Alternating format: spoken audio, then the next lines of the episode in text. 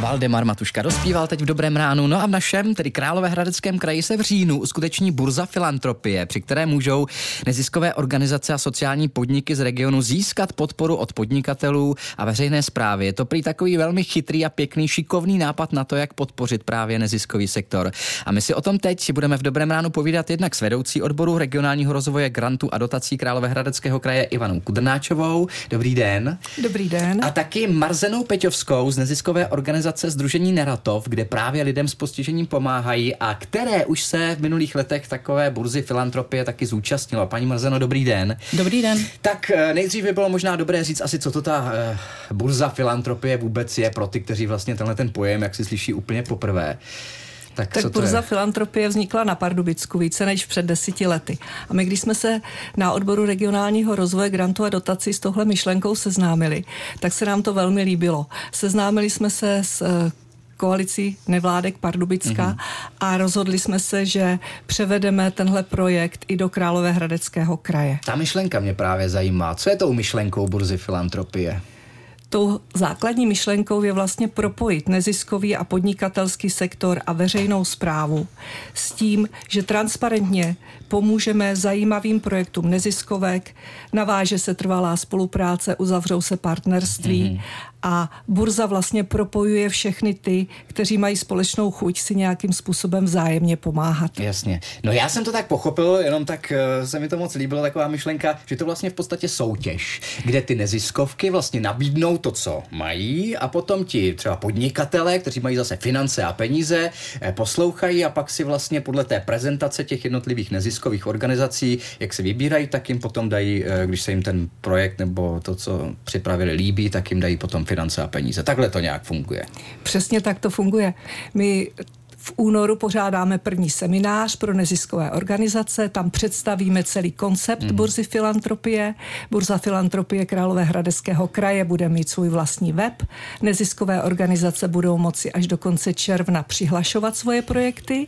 V rámci toho půl roku, který máme před sebou, budeme s neziskovkami pracovat. Mm-hmm. Budou pro ně semináře, jak napsat a připravit svůj projekt k prezentaci na webu. To je taky důležité, aby to uměli prostě prodat to, co vlastně Přesně to, tak, co mají. Takže... aby uměli prodat to, co eh, chtějí prodat a zároveň je budeme učit, jak to správně odprezentovat v tom velkém finále, které bude v říjnu 2023.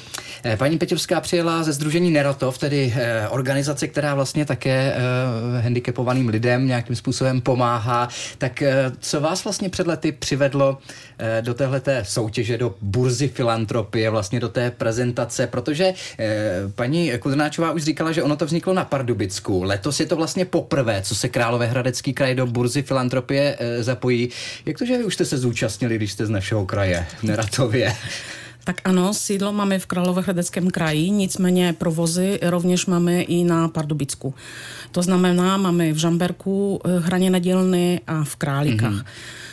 Takže v roce 2016, kdy jsem přišla do združení, e, dozvěděla jsem se o burze filantropie z internetu a rozhodla jsem se, že e, půjdeme do toho.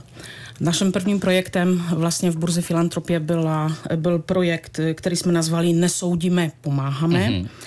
A jednalo se o vybavení vlastně nově vznikající dílny montážní, Eh, která vlastně začala zaměstnávat 24 eh, osob s handicapem. Uh-huh. A na to jste potřebovali tedy peníze? Na to jsme potřebovali peníze, aby jsme mohli profesionálně vlastně vybavit tuto dílnu, aby tyto lidé, eh, kteří mají nějaký handicap, dobře se u nás cítili a mm-hmm. vlastně mohli se vrátit na trh práce. Jak jste na to šli tenkrát? Vzpomenete si, s jakou prezentací jste předstoupili před ty donátory, před tu porotu, když to tak řeknu, kteří potom jako uh, rozhodovali o tom, který ten projekt se jim líbí nejvíc?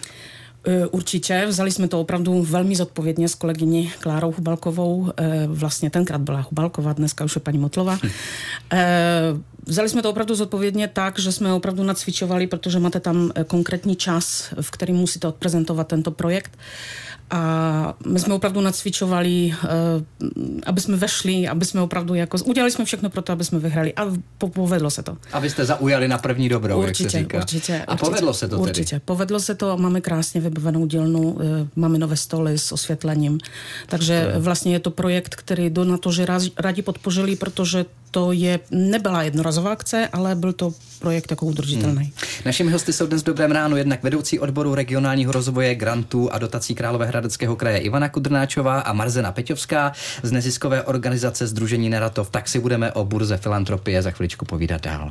Posloucháte Český rozhlas Hradec Králové. Našimi hosty jsou dnes v Dobrém ránu jednak vedoucí odboru regionálního rozvoje, grantů a dotací Královéhradeckého kraje Ivana Kudrnáčová a Marzena Peťovská z neziskové organizace Združení Neratov. My si povídáme o burze filantropie, která bude v našem kraji v říjnu a kam se můžou právě teď tedy hlásit neziskové organizace z celého našeho kraje, ale nejenom neziskové eh, organizace, ale i samotní vlastně podnikatelé, donátoři. Vidíte, paní Kudrnáčová? Ano, protože bez těch donátorů by burza filantropie nebyla tím, čím má být. A my jsme moc rádi, že Královéhradecký kraj spolupracuje i s Krajskou hospodářskou komorou a že vlastně tomu slavnostnímu podpisu licenční smlouvy, kdy pan Hejtman tu smlouvu podepisoval v prosinci 2022, byl přítomen i Radek Jakubský, který je zároveň viceprezidentem hospodářské komory České republiky. Hmm. Takže se nám daří díky této spolupráci pozvat mezi donátory i podnikatele z Královéhradeckého kraje. A věříme tomu, že jich seženeme co nejvíce, jasně, jasně. protože je to nejenom výhodná uh, soutěž, jak jste říkal, pro neziskové organizace, ale je to výhodné i pro firmy. Hmm. Je důležité to propojení, my jsme si tady taky říkali, prostě to seznámení, vlastně ten první kontakt mezi oběma těmi světy, když to tak řeknu, že jo? Přesně tak, protože dneska firmy se chovají společensky zodpovědně a mají svoje filantropické aktivity. Hmm. A tyhle ty aktivity vlastně naprosto transparentním způsobem v rámci burzy filantropické filantropie mohou prokázat. A je to taky obrovská příležitost třeba najít si nové zaměstnance. Jasně. Eh, na to se chci právě zeptat. My už jsme tady, eh, paní eh, Marzeno, mluvili o tom, že vlastně jste na základě téhleté soutěže, zase když to řeknu v uvozovkách tenkrát, vybavili tu dílnu krásnou. Co ještě se povedlo? Protože Neratovské združení bylo několikrát v téhleté soutěži, že jo? Ano, povedlo se nám čtyřikrát dostat se do finále. První, poprvé to bylo v roce 2016 projektem Nesoudíme pomáhat pomáháme. Jak jsem říkala, to bylo to vybavení montážní dílny v Žamberku. Nasledující rok, v roce 2017, jsme e, napsali projekt Mít či nemít skleníky, mm-hmm. protože máme zahradu v Žamberku, takže vlastně e, jednalo se o nákup dvou skleníků. Tam jsme taky uspěli a e, vlastně mm, s pomocí projektu celkově jsme přispěli k snížení nezaměstnanosti handicapovaných v regionu, mm-hmm. protože jsme zaměstnali 11 lidí, kteří vlastně mohli e, u nás pracovat. Mě by právě zajímalo, Združení Neratov, kdybychom měli ještě připomenout vlastně e, vaši neziskovou organizaci, tak všichni známe ten Neratovský kostel, kde se teď vyměňuje střecha prosklená, moc se těším, až bude všechno hotovo. O tom si třeba jednou spolu popovídáme tady. tak ano, ano. připomeňte, já mám od vás e, krásný hrníček doma malovaný od vašich klientů. Děkujeme za podporu, určitě. Združení eh, Nerato vzniklo v roce 1992 a snaží se o obnovení vlastně vysídlené vesnice hmm. Neratov, eh, německý Bernwald. Pan Faraš Josef Suchar vlastně, když v 90. letech přišel do Neratova, tak měl skvělou myšlenku, skvělou vízi, že toto místo eh, neopraví pro lidi s postižením, ale s jejich pomoci což mě například tato myšlenka, když jsem přišla do roku 2016, nesmírně zaujala. A vlastně já, když jsem přišla do združení, tak jsem byla 104. Dneska máme už 250 zaměstnanců, takže jak sami slyšíte, opravdu máme spoustu zaměstnanců a pomohli jsme spoustu hmm. rodinám hmm. s handicapem. Máme několik provozů, které vznikaly na základě, na základě vlastně e, potřeby Neratova. Takže když pan Faraš obnovil poutní slavnosti, tak eh, bylo potřeba se někde najíst, takhle vznikla první dílna, eh, jídelna z kuchyní. Pak, eh, protože máme 55 svadeb ročně, mluvím o době předcovidové, tak vlastně je potřeba vyzdobit kostel, máme zahradu, máme Jasně. údržbu, máme hospodu, máme obchod, máme úklidové služby, máme vlastní prádelnu, opravdu máme toho hodně. hodně. A právě proto potřebujeme taky hodně zaměstnanců, aby jsme mohli opravdu poskytnout uh, dobrý servis poutníkům. Jasně. A taky donátory potřebujete, a to je taky do, ano, důležité ano, a od toho ano, je tady ano. právě ta, uh, bene, uh, ta burza filantropie. Když ještě řekneme, uh, funguje to teda mezi ty kontakty, které jste díky uh, právě téhle burze navázali, funguje to i dneska bez problému, jakože mezi ano. vámi, že vy vypěstujete něco na zahradě? Přesně tak, přesně tak, jak říkáte. Vypěstujeme něco na zahradě a například konzum od nás ode odebírá. Vlastně byl to první náš donátor eh, v roce 2016, který nás podporuje. Hmm.